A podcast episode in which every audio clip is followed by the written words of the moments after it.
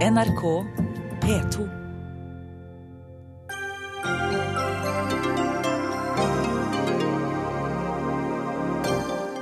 Blodbad i Kairo. Flere hundre skal være drept. Visestatsminister El Baradai trakk seg for få minutter siden. Grete Knutsen skrev 'Basketak med kun onde hensikter', sier Martin Kolberg. Hva sier hun til det? Oljefondet gambler med høye investeringer i olje og gass, hevder ny rapport. Og Audun Lysbakken og Per Sandberg er heller ikke enige om innvandring denne gang.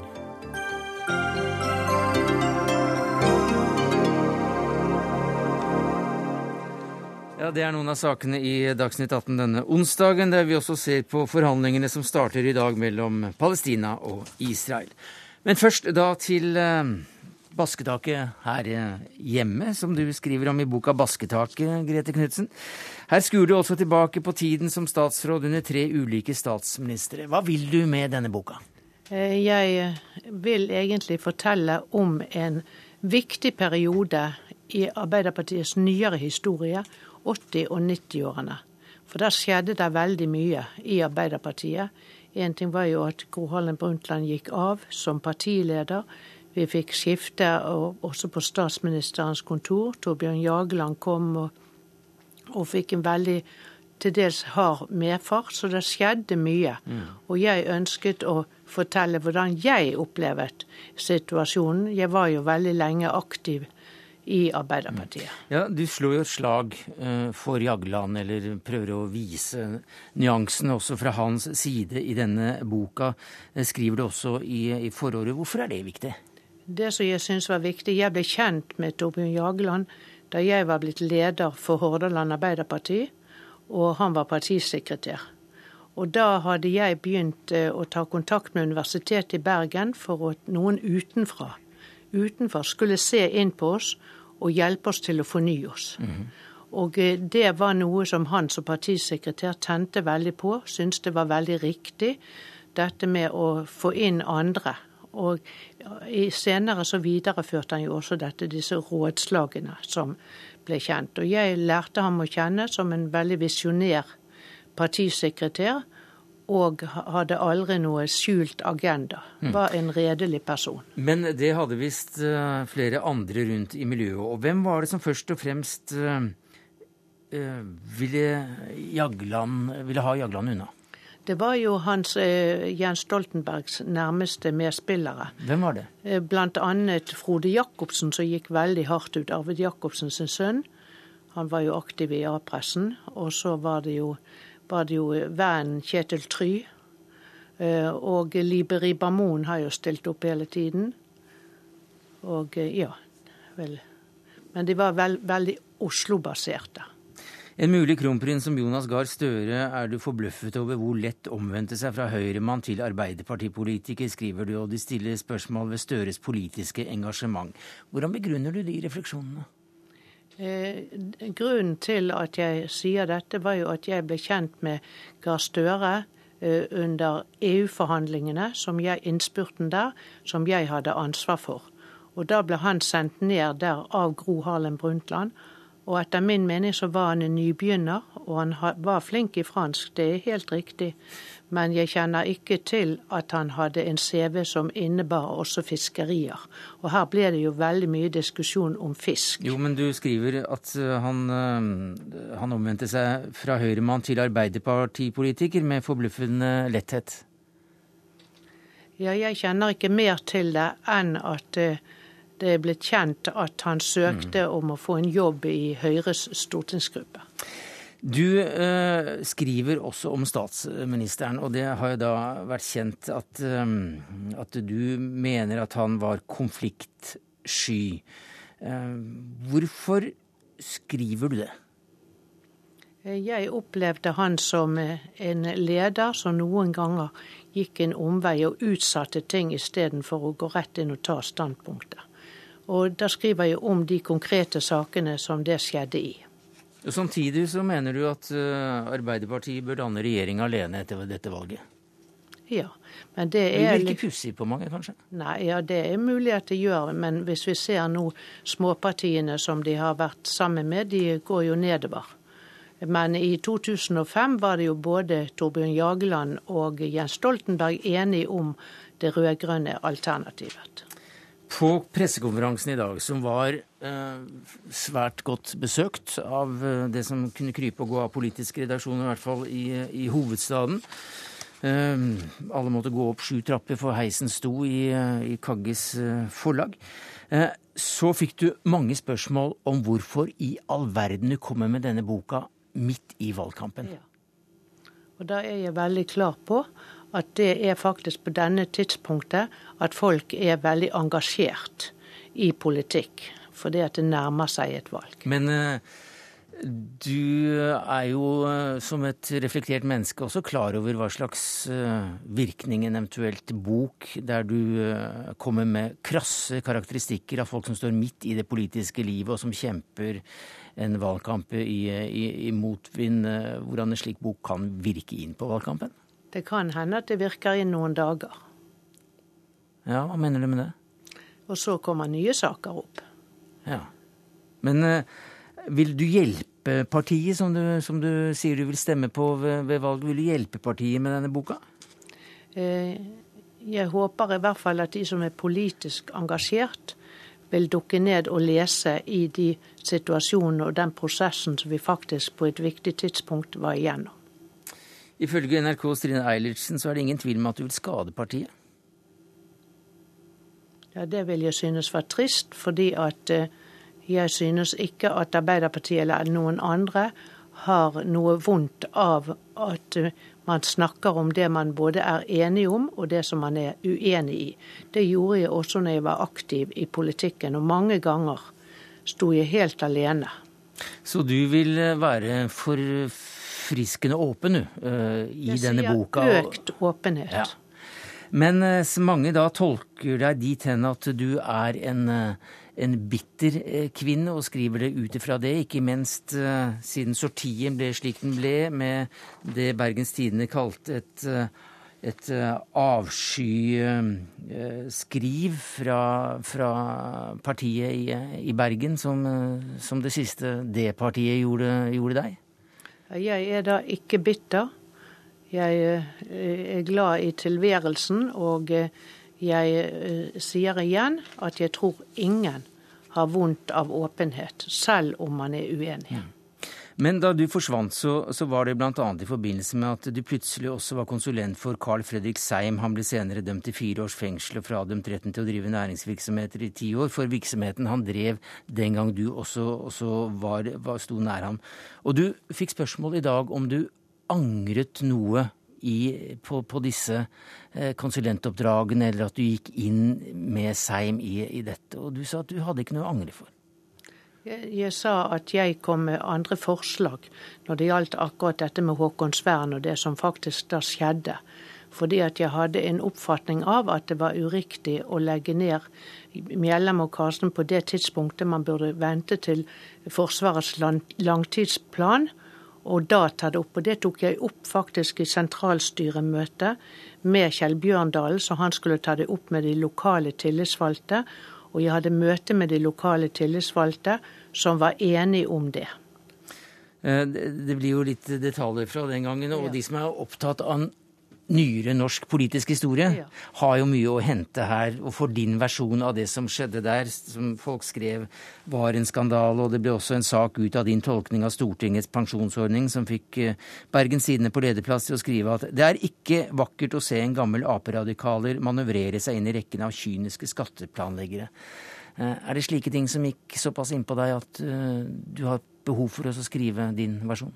Nei, det gjorde jeg ikke. Og når det gjaldt pensjonsordningen, så hadde jeg også nær kontakt med Stortinget for å være helt på den sikre siden at det jeg gjorde, var riktig. Men du er fremdeles Ap-medlem? Det er jeg, og jeg er veldig glad i Arbeiderpartiet. Jeg er født inn i Arbeiderpartiet. Hva synes du om de reaksjonene som uh, også Arbeiderpartifolk har kommet når det gjelder denne boka di? En del av de er ut fra den erfaringen jeg har som lenge medlem og aktiv, er ventet. Mm. For Du skriver jo bl.a. om Martin Kolberg at han var utadert allerede på 90-tallet. Ja, han er den gamle skole. etter min mening, og skulle ha fornyet seg. Og Martin Kolberg sa i går på Dagsrevyen at boka utelukkende er skrevet ut fra onde hensikter. Hva sier du til det? Ja, Det er jeg uenig i, og jeg vil ikke kommentere han noe mer, for jeg ventet ikke noe. Du ventet ikke noe annet av Martin. Kolberg? Vi spurte om dere kunne snakke sammen, men det, det, ville ingen av dere. Så da møter dere i hvert fall bare så vidt her i studio, for du er på vei ut, og Martin Kolberg er på vei inn. Takk skal du ha, Grete Knutsen. For det, og lykke til med Martin Kolberg. Jo, takk skal du ha. Eh, men Martin Kolberg, det var ikke verre enn at du, du tok eh, forfatteren i hånda her ute på, på bakrommet? Nei, det er eh, alltid naturlig for meg, og for alle, vil jeg si, å være høflig. og jeg har jo kjent Grete Knutsen gjennom mange år, og det er klart at jeg tar henne i hånden og hilser på henne. Det er veldig mange år siden jeg har truffet henne. Hvorfor vil du ikke snakke med henne om denne boka og de uh, tingene som kommer fram der? Nei, Jeg syns ikke det er naturlig å ta en debatt uh, oss imellom om dette. Det er stor uenighet om dette, og jeg har jo gitt en, uh, vil jeg si, en avbalansert karakteristikk. Og da er det greiest at vi snakker hver for oss om dette. Du har gitt, eller ble du gitt? Nei, jeg har gitt ved å si eh, det du nettopp refererte. Ja. Avbalansert? At den utelukkende er skrevet ut fra ondskap? Jeg mener at det er en god dekning for å si det. Hvorfor det? Men så jeg, jeg kan få lov til å legge til da, at det betyr jo ikke, så ikke folk misforstår det, at ikke tidligere partimedlemmer, statsråder eller hvem som helst har lov til å skrive bøker og ha mening. Ja, For det er friskt Men, med åpne, og så snakker rett fra ja? Åpenhet og sannhet er bare bra, men det er jo ikke det som preger denne boka. Å nei? Nei, denne boka her er full av karakteristikker fra begynnelsen til slutt. Og Grete Knutsen uh, bruker en uh, teknikk som uh, jeg jo kjenner. Og det er å velge situasjoner, karakteristikker, som passer inn i hennes story. Det gjør den ikke riktig. Og det som er viktig å få fram, det er at det som jo er åpenbart hennes formål, og gi den nåværende ledelsen og tidligere ledelsen i Arbeiderpartiet karakteristikker som nærmest gjør dem udyktige som sentrale politikere, det er ikke akseptabelt. Og når du gjør det midt i en valgkamp, sånn som du nå har gjort, etter ti-tolv år, ikke sant, så kan ikke det ha noen annen hensikt enn at hun ønsker å i hvert fall ta et oppgjør, og dermed også skade oss i en vanskelig valgkampsituasjon. Hun sa jo nettopp at hun ønsket partiet alkot, og at Jens Stoltenberg bør fortsette som statsminister, men da regjere alene? Ja, jeg hører det. Og uh, nå har det jo vært åtte suksessfulle år uh, med den rød-grønne regjeringen. Sikkert delte meninger om det, ja, men det du hører hva hun sier, er, at hun ønsker statsministeren ja, men? Men da burde hun ikke si at statsministeren ikke var til å stole på.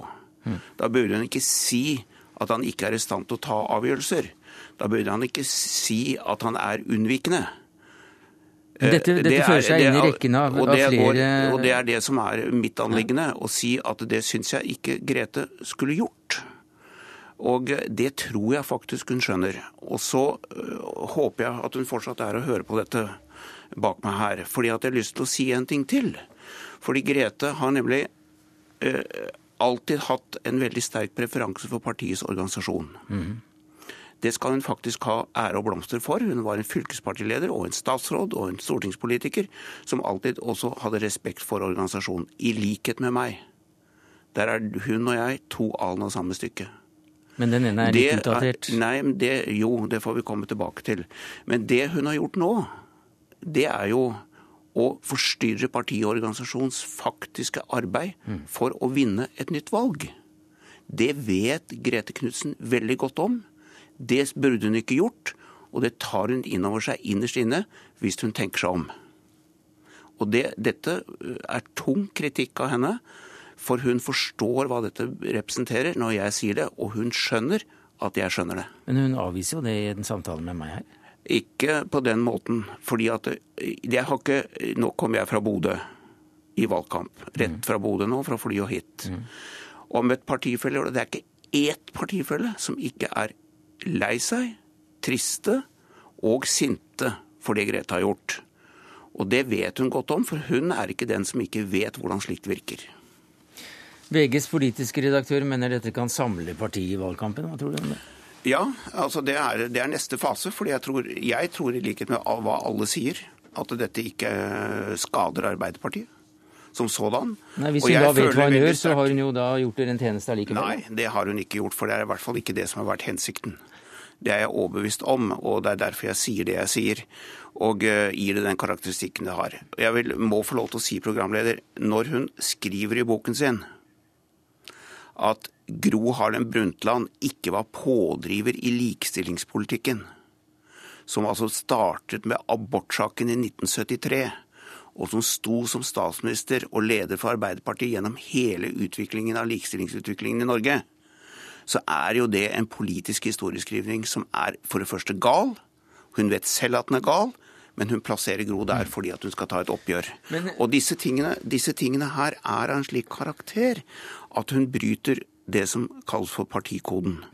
Det, det, skal man ikke gjøre? Nei, det skal man ikke gjøre. Og det mener jeg ikke med det at man ikke skal kritisere ting politisk, mm. men man får holde seg til noenlunde saklige karakteristikker, både av enkeltpersoner mm. og av politiske hendelser. Vi nærmer oss slutten her, Martin Kolberg, men er du redd for at det skal feste seg dette, da? At uh, både Haga nevnte det i romansform, Bekkemellom skrev det veldig direkte, og nå i uh, Grete Knudsens bok at vi har en statsminister som er unnvikende?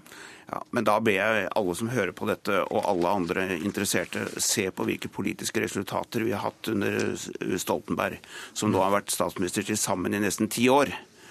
Og eh, da hvor landet blomstrer, hvor utviklingen for den enkelte har ført til en mye tryggere og bedre hverdag, bedre enn noen gang før, og det er ikke en statsminister som er verken unnvikende eller som ikke er i stand til å ta avgjørelser. Det er tvert imot. Han har vært en veldig kraftfull statsminister og leder av partiet. Martin Kolberg, du spurte om Grete Knutsen eller håpet at hun eh, sto og så på dette her på bakrommet. Jeg ser ikke henne, men jeg ser i hvert fall at forleggeren hennes har, har, eh, fått det med seg.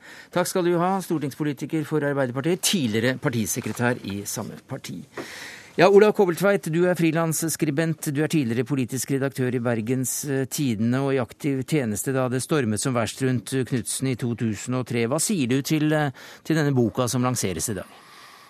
Nei, Jeg sier at det er ei uh, sjeldent spenstig bok, uh, men hun er vel litt for mye prega av negative og veldig utleverende karakteristikker. Det er jo det er uvanlig i norsk biografiskriving. Eh, og eh, så sier Martin Kolberg at hun bryter partikoden. Ja, det gjør hun nok. Men det spørs hvor bekymra vi som pressefolk skal være over det. Nei, Det bekymrer vel ikke oss så mye, Magnus Takvang, politisk kommentator i NRK. Eller hva sier du?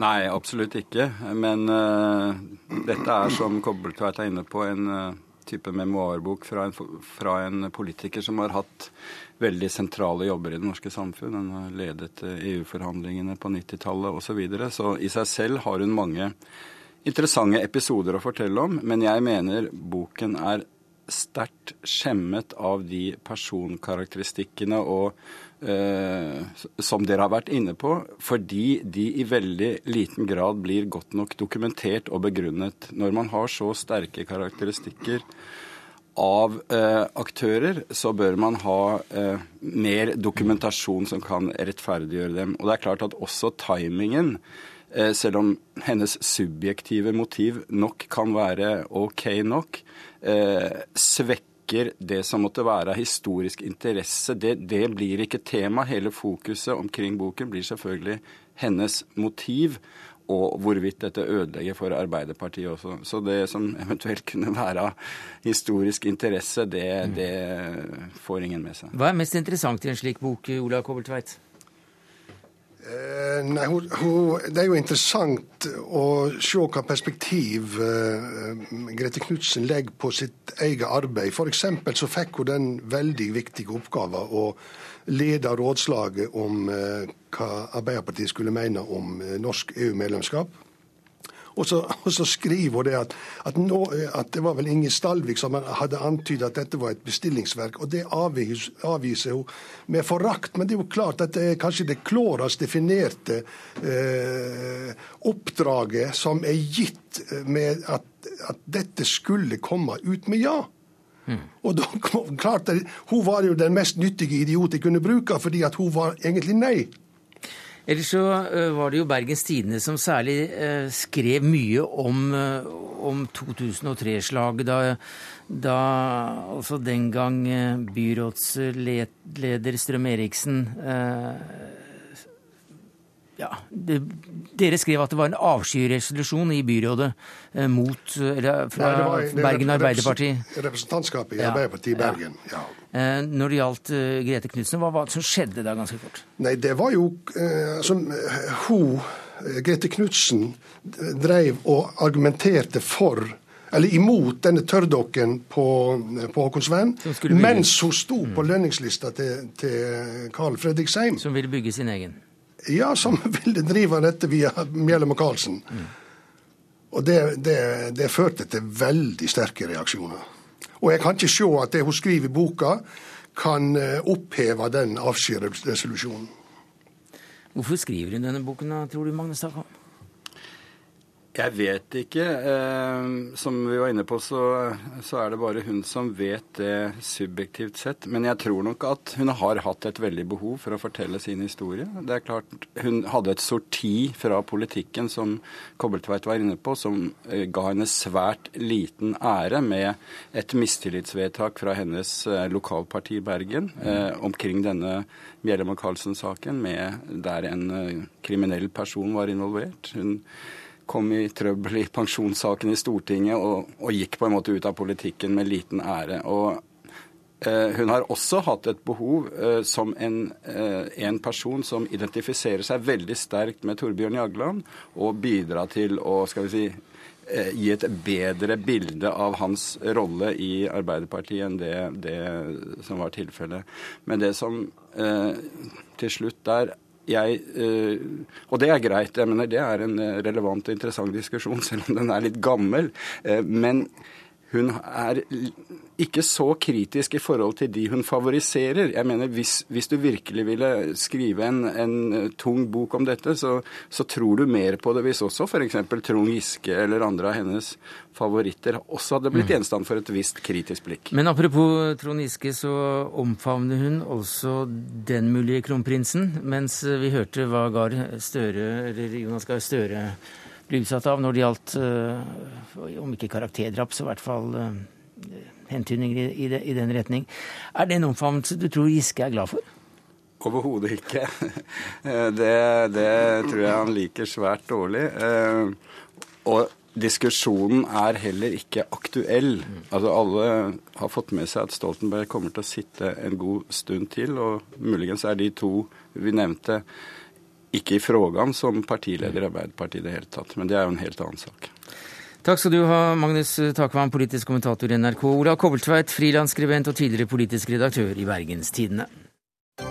Hør Dagsnytt 18 når du vil, på nettradio eller som podkast. nrk.no – dagsnytt 18.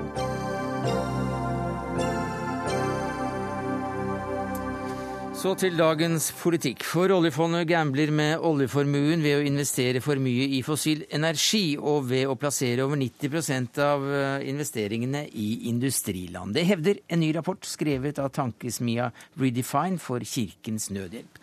Og Kjetil eh, Abelsnes, du er seniorrådgiver i, eh, i Kirkens Nødhjelp for økonomisk rettferdighet, og dere har bestilt denne rapporten. Hvordan begrunner rapporten at dette er gambling?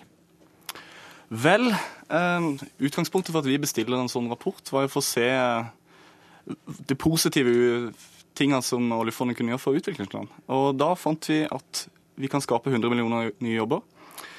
Men at det er gambling, eh, da må vi inn på, på miljø. Og vi dobler risikoen, finner rapporten ut.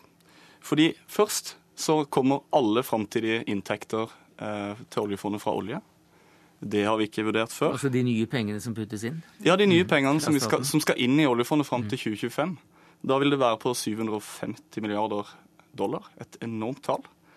Eh, så har vi investert 10-15% i fossil energi. Samtidig som vi også sitter med eierandeler i Statoil og oljeindustrien er en stor industri i Norge. Så samla sett, hvis ikke du eh, lar risikoen på en måte bare ligge i en bit, men ser det under ett, så løper vi en ganske stor risiko, ifølge rapporten. da.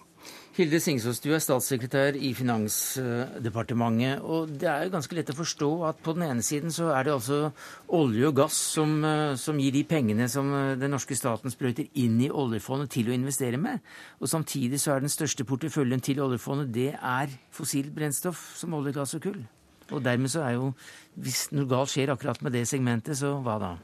Det er jo helt riktig at norsk økonomi er sårbar for en eh, kraftig reduksjon eh, i oljeprisen.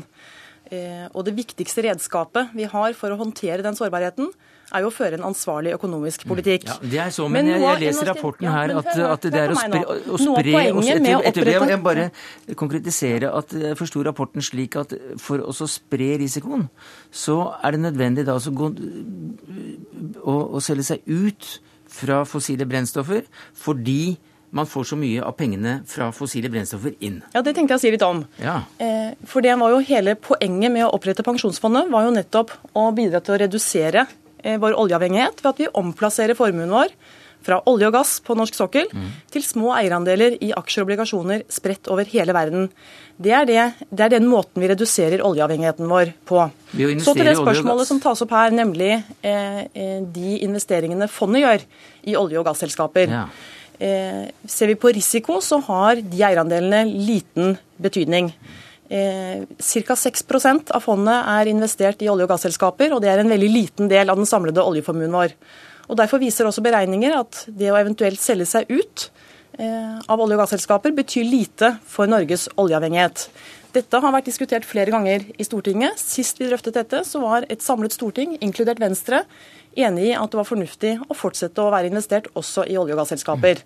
Men når det er sagt, så er det gode argumenter både for å øke investeringene i framvoksende markeder og øke investeringene i miljøvennlige eh, investeringer. Og vi gjør begge deler. Hilde Singsås, eh, du har også nå gjort rede for at eh, oljefondet faktisk er opptatt av akkurat denne problemstillingen her. Og henviser til et samlet eh, storting, som du også da representerer et parti for. Guri Melby, som tredjekandidat for Oslo Venstre, leder for partiets programkomité for neste stortingsperiode.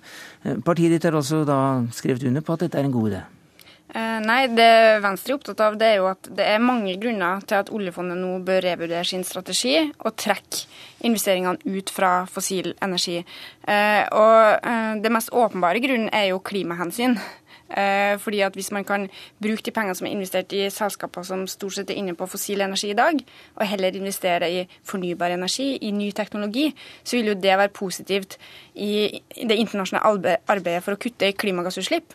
Og det vil også være et positivt utviklingspolitisk virkemiddel, som Kirkens Nødhjelp trekker fram her, ved at det vil skape arbeidsplasser i den tredje verden. Men så er det det poenget som nå har kommet stadig sterkere fram de siste ukene og månedene, nemlig at det her også vil være positivt for avkastninga i fondet.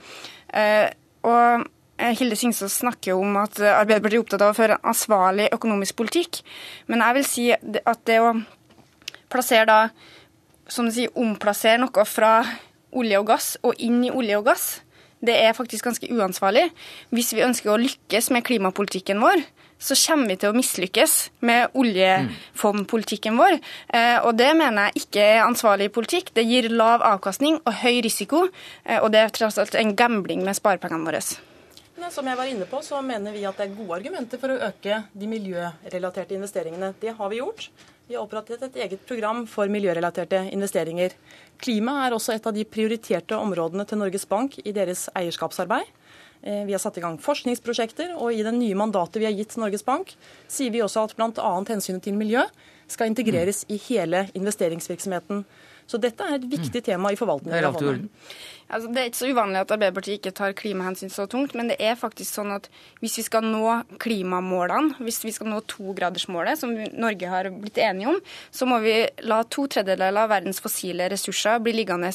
Og Det betyr at både våre egne oljeressurser har en ganske tvilsom verdi, og det betyr at også de her selskapene som da eier masse olje og gass, også har en veldig tvilsom eh, eh, verdi. Eh, og Det er derfor jeg mener at dette er veldig risikofylt. fordi at vi har store verdier knytta mm. til sokkelen vår. Vi har store verdier i oljefondet.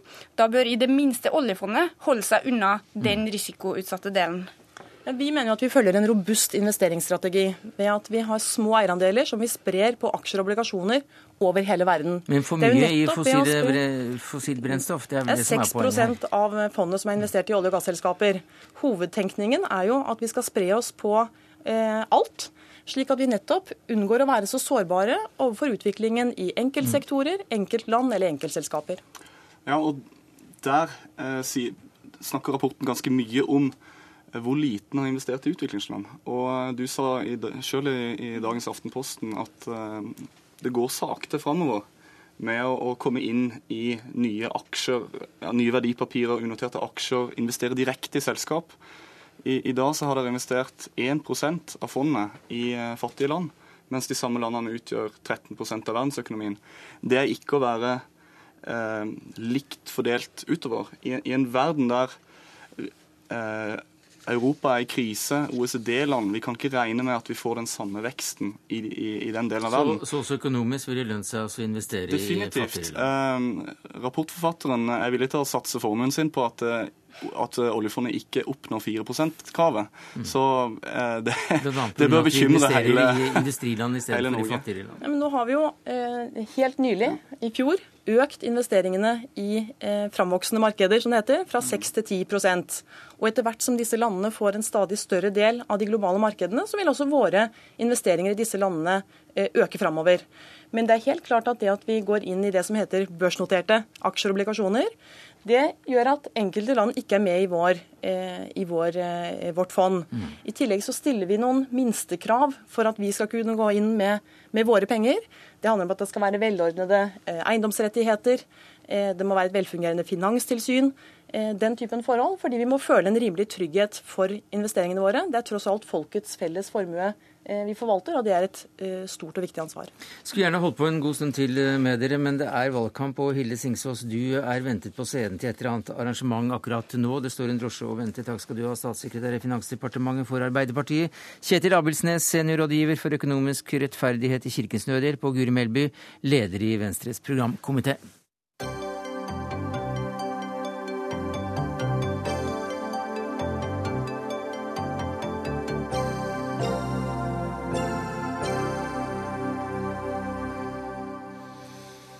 Ja, I Egypt skal altså flere hundre mennesker være drept i gatekamper, ifølge FN.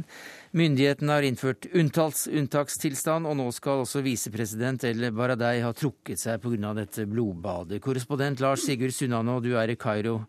Eh, meldingen kom nettopp om denne avgangen. Hva vet du om akkurat det? Den kommer strengt tatt ikke overraskende. Mohammed El Baradei, fredsprisvinneren, har kjempet for at man ikke skulle gå så hardt frem mot uh, demonstrantene i de to protestleirene her i Kairo. Men han er overkjørt av generalene i Egypts overgangsregjering.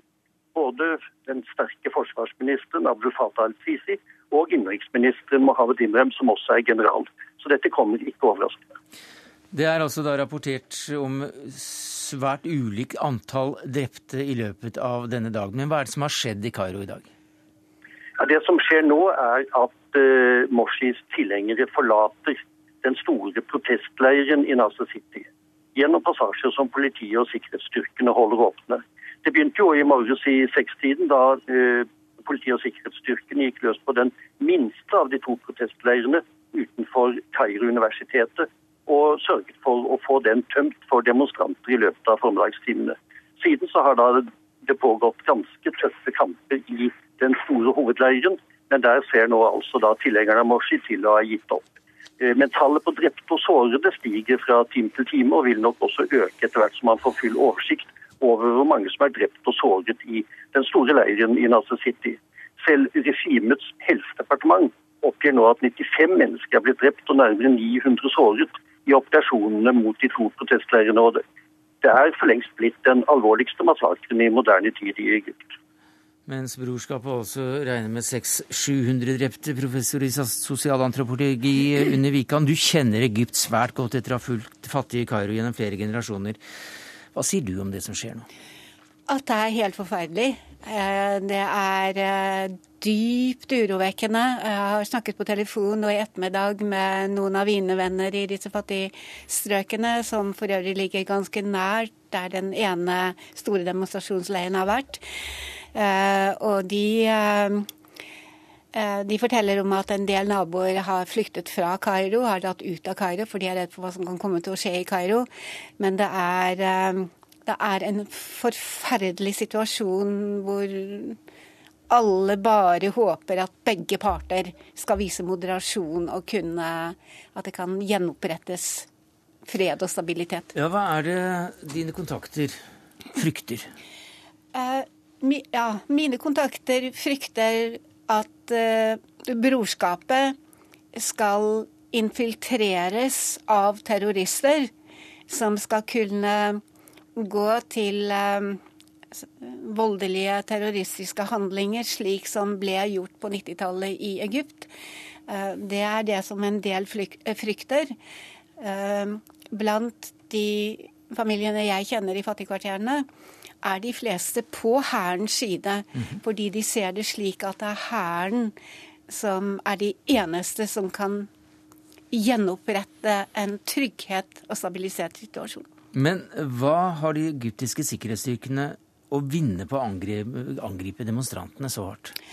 De har jo ikke noe å, å, vinne med mindre de sitter på informasjon som skulle eventuelt indikere at eh, det blant dem er potensielle terrorister, jihadister. Ellers så har de jo ikke noe å, uh, å vinne. Men det er det folk jeg snakker med, tror. At uh, det er det ryktene iallfall går på. At det kan være jihadister blant brorskapet. Det er jo en polemikk som, eller en retorikk som, som brukes ofte, nemlig at man frykter ja. terrorisme og dermed må slå ekstra hardt til. Riktig. Så også nå også i Kairo så definitivt også nå i Kairo. Eh, er det fare for at dette skal, skal spre seg utover, utover, landet? Ja, det er fare for det. Det har allerede spredt seg. Det har vært opptøyer og, og sammenstøt flere steder i landet. Eh, det sies også at tre kirker i dag er satt i brann. Og det er noe blant, blant de mange som er på hærens side da.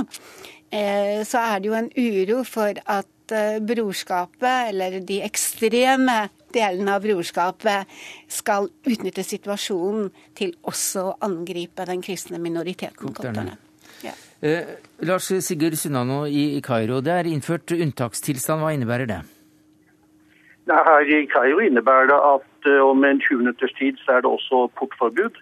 Eh, men eh, unntakstilstanden gir politiet og sikkerhetsstyrkene og hæren vide fullmakter til å fremtvinge ro og orden. De kan altså da innføre portforbud, som de nå har gjort her i Kairo og en rekke provinser. Og de kan også arrestere og fengsle demonstranter og aktivister uten å gå via rettsapparatet.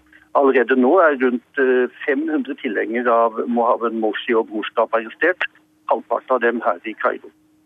Hva vet vi om situasjonen til den tidligere presidenten Morsi? Nei, Han er fortsatt i forvaring på et uh, ukjent sted. Men uh, da EUs utenrikssjef uh, var i Egypt, så meldte jo hun at han er i, i, god behold og ikke lider noen overlast der han blir holdt i fangenskap. Tilbake til disse leirene som altså ble angrepet og, og er i ferd med å ryddes nå, for å bruke det ordet.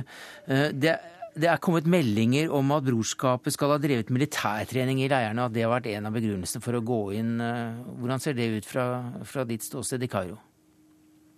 At de har drevet uh, forskjellige former for trening, er det vel ingen tvil om. Og det kan synes som om uh, noen også har uh, brukt skytevåpen i opptøyene og, og, aksjonene som politiet og sikkerhetsstyrken da brukte mot dem i, i dag. Men det mest alvorlige har jo vært eh, snikskyttere fra hustakene rundt den store protestleiren i Nasa City, som jo da har eh, truffet den ene demonstranten etter den andre. Også den 17 år gamle datteren til en av brorskapets ledere. Og det er, eh, det er, det er også mediefolk som er drept? Ja, da en av en britisk fotograf for fjernsynsstasjonen Sky News er skutt og drept, åpenbart av snikskyttere på et av disse hustakene. Unni Wikan, da du fortalte, eller kom til Dagsnytt 18 og, og snakket om hvordan det, dette med Morsi skulle gå når mm. Eller da, da, demonstrantene mot ham, demonstrasjonene, virkelig tok av for et halvt års tid siden. Mm. Eh, så sa du at dette kommer ikke Morsi til å overleve som, eh, som president. Og jammen fikk du rett. Eh, mm. Hva sier du om det som skjer nå, hvis du skal se litt framover? Jeg sier om det som skjer nå, at det er en helt forferdelig situasjon. Men at store deler av den egyptiske befolkningen antagelig støtter hæren fordi de mener at de er de eneste man kan satse på, og at de er det eneste som kan få den demokratiske prosessen tilbake på skinner. Og eh, ja, at uh, det som skjer nå er forferdelig, men at uh, det gikk galt med Morsi, det var Det må jeg si, det lå i kortene. Men det var jo da en valgt president? Han var, en, han var en valgt president, ja. Var det eh, Han var en valgt president, men han tiltok seg fullmakter som valgt president, som er totalt i strid med et liberalt demokrati. Takk skal du ha, Unni Wikan. Før du går, eh, dette, dette kan vel ha en effekt på hele regionen? Det kan ha en effekt på hele regionen. Hele regionen ser til Egypt. Egypt er det politiske og kulturelle sentrum i Midtøsten. Og det er også en grunn til at den situasjonen må takles på en god måte. Ellers kan man få en lignende forferdelig utvikling også i andre deler av regionen, som vi allerede har i Syria. Takk skal du ha, Unni Wikan, professor i sosialantropologi ved Universitetet i Oslo. Eh, det er altså da lite som skjer i Egypt som ikke har eh, innvirkning på resten av Midtøsten, er det sagt. Og da står vi altså midt oppe i, eller på se til startfasen av, av forhandlingene mellom Israel og Palestina. Kan det ses nå i lys av det som skjer i Egypt? Nei, ikke sånn direkte. Eh, bortsett fra at vi nå får et bilde av en region som nesten er i ferd med å gå i brann, bokstavelig talt, på veldig mange fronter. Eh, og det gjør ikke liksom saken noe bedre at Egypt, det største førende landet eh, i Midtøsten, nå ser ut til å være på randen av hvert fall ganske mye opprør og, og, konflikt. Nei, for Kan det gi det internasjonale samfunnet og de som eh, nå trykker på hardest for å få til noe i disse forhandlingene, altså særlig USA, eh, til, til å gå enda hardere inn og ville ha resultater fordi at det brenner overalt? eller så mange andre steder? Det, det ville vært liksom en eh, god tanke. Ja. Eh, men, men, jeg tror liksom at vi, eh, det ikke er noe mer enn det. fordi at i Midtøsten så er det jo de maktpolitiske forholdene som avgjør. Og selvsagt, hvis man tenkte seg at USA skulle gå inn med full tyngde og ordne opp Eh, i Egypt, så vet jeg ikke helt om eh, USA verken vil eller har mulighet til å gjøre det. Men når det gjelder konflikten mellom Israel og palestinerne, eh, så er det jo sånn at de gamle, sterke båndene mellom Israel og USA, de er førende for forhandlingene. Og den svakeste av de svake parten, det er jo da som vanlig palestinerne, som nå sitter og forhandler om smuler. For i dag så har altså nyheten eh, kommet om at 950 eh, nye boliger i et bosetterområde i eh, Øst-Jerusalem ja. er på gang. Ja. Det er skutt raketter fra Gazastripen. Ja. Israel har skutt raketter tilbake. Og Hva slags bakteppe er det å forhandle ut fra? Nei, jeg, jeg tenker noen ganger at, at, denne konflikten mellom Israel og palestinerne er som et sånt brettspill, hvor det hele tiden kommer på feltet rykk tilbake til start. Eh, og det er liksom det vi har holdt på med nå i, i hvert fall de siste 20 år. Men så er det litt verre enn det. For det, det er ikke bare rykk tilbake til start og begynn om og om igjen på forhandlingene. Men du blir på en måte fratatt også det du forhandler om. Og i dette tilfellet her så er det jo nå snart ikke mer land igjen som skal bli denne såkalte palestinske staten. Eh, for det er nå bygget så mange israelske bosettinger, og da mener vi drabantbyer det er mye vi burde kalt det israelske drabantbyer, som da må eh, tvangsevakueres. Og det er det ingen grunn til å tro at selv ikke USA får Israel til å gjøre. Og det er jo den alvorlige situasjonen, at det er der vi nå er. Men eh, du, du kommer jo stadig til oss i Dagsnytt 18, og så er du så pessimistisk på vegne av enhvert forsøk på å, å skape fred i, i, området. Men jammen har jo Israel da gått inn for å frigi 104 fanger og, og ganske mange verstinger, ja. hvis du skal lese ja. CV-en til en god del av de som også ble, ble navngitt og, og, frigitt i går, de 27 eller hvor mange det var? En, en kunne liksom tenke seg at det var eh, positivt. Ja. Eh, og det er jo ikke negativt i seg selv. Nei. Eh, men problemet her er jo at når man skal forhandle om fred, så skal man forhandle om land. Territorie og grenser. Eh, og dette er da fanger som har sonet kanskje 30 år i israelske fengsler. Og de frigis da som den eneste hva skal jeg si, gesten som Israel gir til palestinerne. For det, det nektes nå å forhandle om noe frys av bosetninger eller grenser eller Jerusalem. Ingenting ligger avtalt på det forhandlingsbordet.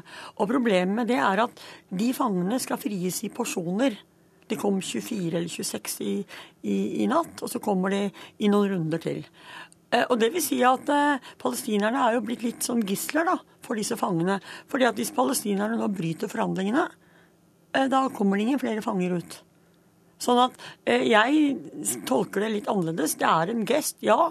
Men dette her er bare en ytterligere måte å tvinge palestinerne til forhandlingsbordet til å forhandle om smuler. Hvor er det forhandlingene foregår? Eh, jeg, jeg, jeg sjekka litt, det var litt uklart, men jeg tror de foregår i Jerusalem. Ja. Og jeg tror at, eh, det, at Martin Indyk, den nye amerikanske forhandlingslederen er der for ja. å starte de forhandlingene i kveld. Ja, og De har ni måneder på seg, så det er en deadline her også. Ja. og På mange måter så, så, virker det fornuftig for mange fredsforskere. Ja. Og det er også snakk om at det ikke skal lekke for mye ut, og det ses på som et uh, positivt tegn. og Vi har snakket med andre forskere enn deg som sier at det er mye positivt her. og Kjell Magne Bondevik som uh, fredsmann og tidligere utenriksminister, han er, ser positivt på dette her. Terje Larsen som er svært involvert og, og var helt sentral i sin tid, etc., etc., ser også positivt at det går an å oppnå noe som det ikke går an å gå tilbake på senere. Eh, ja, men, men eh, med respekt å melde, de to siste herrene de eh, er på en måte politiske aktører. Jeg er bare en stakkars liten forsker som vurderer ut fra det jeg vet, ikke ut fra hva jeg ønsker. Det høres ut som jeg er liksom da verdens mest pessimistiske menneske med tanke på freden. Ja, det. men det er jo ikke som menneske. Men, men min jobb er jo da analysere disse maktforholdene. Og da er eh, beklageligvis svaret tindrende klart. Altså det blir ingen fred av om f.eks. Kjell Magne Bondevik snakker med Netanyahu og leder for Arabisk liga og Arabisk fredsplan, fordi at det er ikke det det blir fred av. Det hjelper oss ingenting. Det blir kun fred den dagen USA bestemmer seg for at nå vil ikke vi, USA, ha denne konflikten mer. Nå er det slutt. Mm. Israel trekker seg ut, grensene går der. Og så gir vi dere liksom masse penger og våpen som belønning for det. Men det var vel øh, noe i den retning, litt mer i den retningen, som da Kjell Magne Bondevik kunne lese ut av USAs posisjoner denne gang? Ja, det, det, Da leser han noe, eller har på seg andre briller enn det Han var invitert, eh, holdt på å komme, men så ble han forhindret. Ja, men, det, det, var dumt. Ja, så kunne vi på en måte hørt det. Men, men, det er, altså, vi er jo ikke heller lenger enn at eh, skal for, de skal forhandle om det de skal forhandle om. Og vi trenger faktisk i Midtøsten altså Vi trenger ingen flere planer for løsningen. Vi har så mange planer at vi kan fylle flere hus med planer. Men vi trenger en vilje til å gjennomføre de løsningene som allerede er forhandlet fram. Hva er det beste du har å si om de fredsforhandlingene som starter i dag? Nei, jeg har ikke så mye, jeg har ikke så mye bra. Jeg, jeg har egentlig bare en, en stor bekymringsmelding. Eh, og det er at Eh, hvis ikke vi nå får løst denne konflikten, så er vi nå nær, eller veldig nær, at det er ikke lenger noe land igjen for en tostatsløsning. Fordi det er og annektert? Eller det, det er annektert. Hele forhandlingsspillet er et bedrag hvor partene, israelerne, palestinerne og amerikanerne, har stor interesse av å opprettholde forhandlingsspillet. Det er viktig i seg Hvorfor selv. Det? Israelerne har dårlig internasjonalt omdømme. Jeg tenker særlig på palestinerne. palestinerne. Hvorfor er de med, med på å bedra oss, det internasjonale jo, samfunnet? Altså, de, de, er den svakeste parten. De har ingenting å tape. Alt å vinne på å være med på dette. Og det som er det verste, er at alle de økonomiske overføringene til den palestinske selvstyremyndigheten, de er avhengig av at det, det finnes en såkalt politisk horisont at det en dag skal bli en stat som Norge og EU og alle skal bidra til å bygge infrastrukturen til.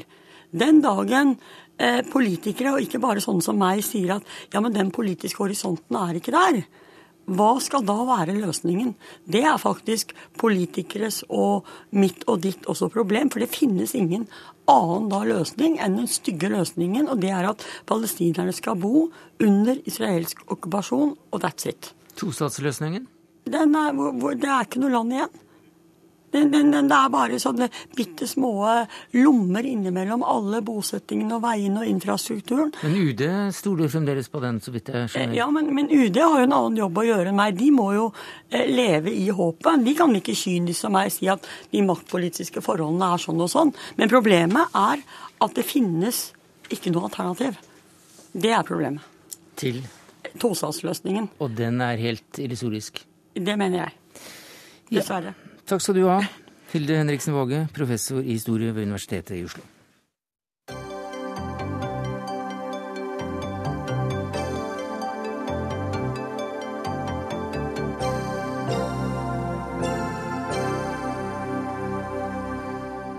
Skal snakke om innvandringspolitikk etter at leder i Sosialistisk Venstreparti Audun Lysbakken sa dette i partilederutspørringen her i NRK tidligere i dag.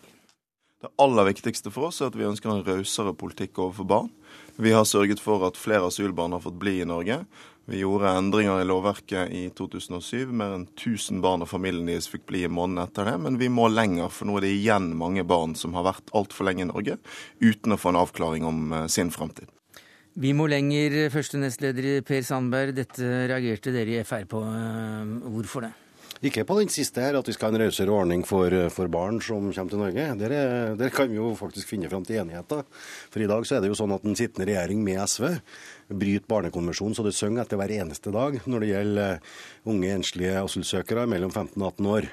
Og Det har vi påpekt sterkt. Eh, og Så kan det være at vi er enige om også at eh, saker der barn og familie og kvinner er involvert, skal løftes opp øverst i saksdokumentene og få avgjort eh, disse sakene raskest mulig. Vi har sagt at disse sakene skal opp, og de skal avklares i løpet av seks måneder. Der det er barn inne i bildet, så skal det avklares i, i løpet av seks måneder.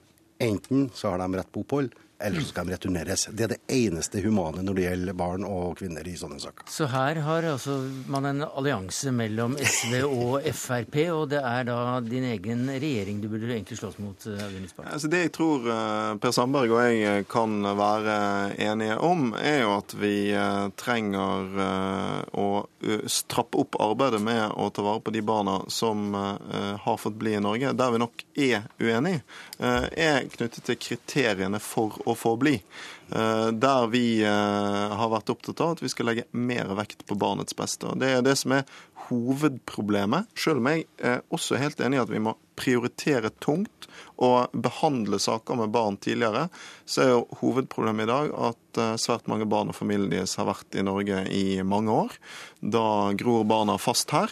Og da mener vi at barnets beste må komme foran innvandringsregulerende hensyn, og at vi må endre lovverket i enda større grad i den retning SV allerede har fått til, nemlig at hensyn til barna går foran. Der er vi nok uenige.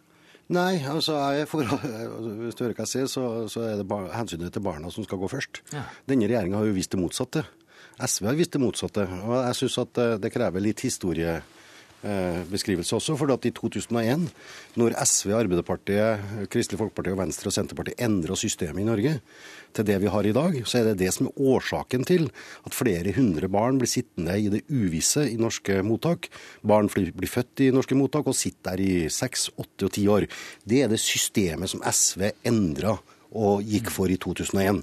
Så kan man påberope seg at man har prøvd å endre regelverket og forskriftene i ettertid, men da er det for sent. For det sitter altså 15 000 mennesker i asylmottak i snitt eh, hvert, eh, hvert, eneste år. Så historien er altså da og, og, Bare for å si det også, i forhold til dette med barns beste. Ja. Eh, ja, jeg er for barns beste. Alle er for barns beste. Men det åpner for skjønn. Og Derfor mener jeg i mye større grad at vi må begynne å snakke om barns rettigheter. Og der kommer jo FN også nå da med innskrenkninger der. For dette skjønnet med barns beste det varierer fra land til land, fra parti til parti. Eh, og Derfor så er vi sånn at vi må mer fokus på, på rettighetene til barn. Men først og fremst så må vi gjøre noe med det systemet som SV etablerte i 2001. Det som kunne være interessant å høre, er om Fremskrittspartiet nå da eh, vil eh, gå inn for en forskriftsendring, sånn at eh, barnets beste skal telle tyngre enn innvandringsregulerende hensyn. For det var det jeg snakket om i sted, og det har jo Fremskrittspartiet til nå vært mot. Hvis, hvis Frp får det, så er det veldig bra. Det vil i så fall være en utfordring, tenker jeg, til Erna Solberg, som jo i partilederdebatten på mandag klargjorde at hun mener at innvandringspolitikken bør bli strengere hvis, eh, hvis høyresiden tar over. Hvis eh, Frp mener at den skal bli rausere overfor barn, så syns jo jeg det er fantastisk bra. Innvandringspolitikken må bli betydelig strengere. Jo, det er så, men også Ja, det, er en forskrift som sier at eh, altså, hensyn til barna skal skal krysse foran andre innvandringspolitiske hensyn? Jeg skal svare på det, for jeg sa det også innledningsvis. Med vår politikk fra i 2001, det vi la på bordet den gangen systemet til SV ble etablert, så hadde vi et annet system. Mm. Problemet i dag er at systemet gjør at man kan anke herifra til måneden tre ganger, Mm. fire ganger. Eh, Og trenere eh, utsending. Men hva med forskrifter som sier at nei, barns beste skal Nei, da som- jeg, jeg tror uh, Lysbakken blander noe her, for at han snakker kanskje om de barna som allerede er i Norge, Mm. og gjerne vil gi et amnesti for å gi disse opphold. Det kan vi ikke gjøre. Da må vi endre systemet først, før at vi begynner å vurdere den type saker. Den gikk ikke, den, Lysbakken. Nice jeg- try. Jeg har sagt at de skal behandles i løpet av seks måneder, og derfor så trenger vi heller ikke lovendringer. Jeg tror det er eh, et godt mål at vi skal behandle eh, saker som gjelder barn raskere, men eh, det er jo en gang sånn at ikke alle oppholdssaker lar seg behandle så raskt. Vi vil nok også i framtiden få situasjoner der barn blir værende lenge i Norge, og derfor trenger vi et regelverk. Jeg, jeg innser da at vi ikke er enige om det likevel. Det var for så vidt ingen overraskelse, men greit å få, greit å få klargjort. Jeg mener at det er et av de viktigste spørsmålene når det gjelder flyktningpolitikk og, innvandring framover. Fordi vi må ta spesielt hensyn til barn. Og vektingen mellom barnets beste og, og innvandringsregulerende hensyn, det er helt riktig, det har vært en diskusjon eh, på rød-grønn side, det er også en diskusjon på borgerlig side. Og det kommer til å bli en diskusjon så lenge eh, mange hundre barn faktisk i dag eh, har vært i, i årevis i Norge. Men Sandberg har vel et poeng når han sier at årsaken til at de har vært her så lenge, er eh, at det, er, det har noe med, med hvordan man slipper inn å gjøre og få lov å være her så lenge. Det kan kan det ha. Eh, Og, og det, vi er tilhengere av at de som ikke har beskyttelsesbehov i Norge, skal returneres raskt. Men så er det både eh, en god del saker der det kan være ganske vanskelig å avgjøre. eh, Og så er det en del saker der det er eh, umulig å returnere folk. Og så er det også en del saker der foreldrene ikke samarbeider. Da er det ønskelig at de som ikke følger kriteriene for å bli i Norge, skal sendes ut. Men utfordringen for vårt system er jo hva vi gjør når barn har vært der i kanskje opptil ti år, som vi har hatt enkelte eksempler på. På et tidspunkt så må altså hensyn til barnet gå foran. Når vi har barn som lever i Norge og har blitt norske i praksis, så er det eh, dårlig barnepolitikk å sende dem. Denne problematikken eh, dukker opp med jevne mellomrom. Eh, Og SV og Kristelig Folkeparti og andre har gitt amnesti underveis eh, til noen grupper. Også, Frp har vært imot det. Ja, og vi har vært imot. Fordi at vi ser at hvis du gir et slikt signal som det der, så vil flere og flere voksne foreldre gi, gi, gis muligheter til å trenere systemet. Og nå er det enda flere som sitter i mottak. Så resultatet til, til at du åpner for å gi opphold etter hvert, det resulterer i at enda flere barn havner i samme kategorien. Det er rist- rist i egen det- Det er bak, egen bak. Jo, altså, men, men det, dette er jo utfordringen vår, ikke sant? Fordi at vi må gjøre alt vi kan for at færrest mulig barn havner i den situasjonen.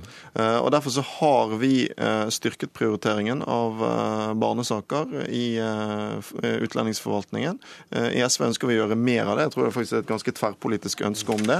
Men likevel så må vi ta stilling til hva som skal veie tyngst når det kommer konflikt mellom hensynet til innvandringspolitikken og hensynet til barnets beste. Jo, og Der men- fikk vi da til en endring i 2007 som gjorde at svært mange barn fikk bli. Ja, Men vi ønsker å gå lenger i den retningen nå, fordi vi fortsatt ser at eh, for mange barn har vært her her i mange år. de endret- vi har vært her fikk- såpass flere fikk lenge, bli. Så jeg er helt nødt til å avbryte deg. For at nå blir vi tatt av lufta. Må bare si tusen takk til deg, Per Sandberg, første nestleder i Fremskrittspartiet. Beklager at jeg avbryter deg. Audun Lysbakken, leder i Sosialistisk Venstreparti. Ansvarlig for sendinga, Dag Dørum. Teknisk ansvar av Lisbeth Sildreit. Jeg heter Sverre Tom Radøy.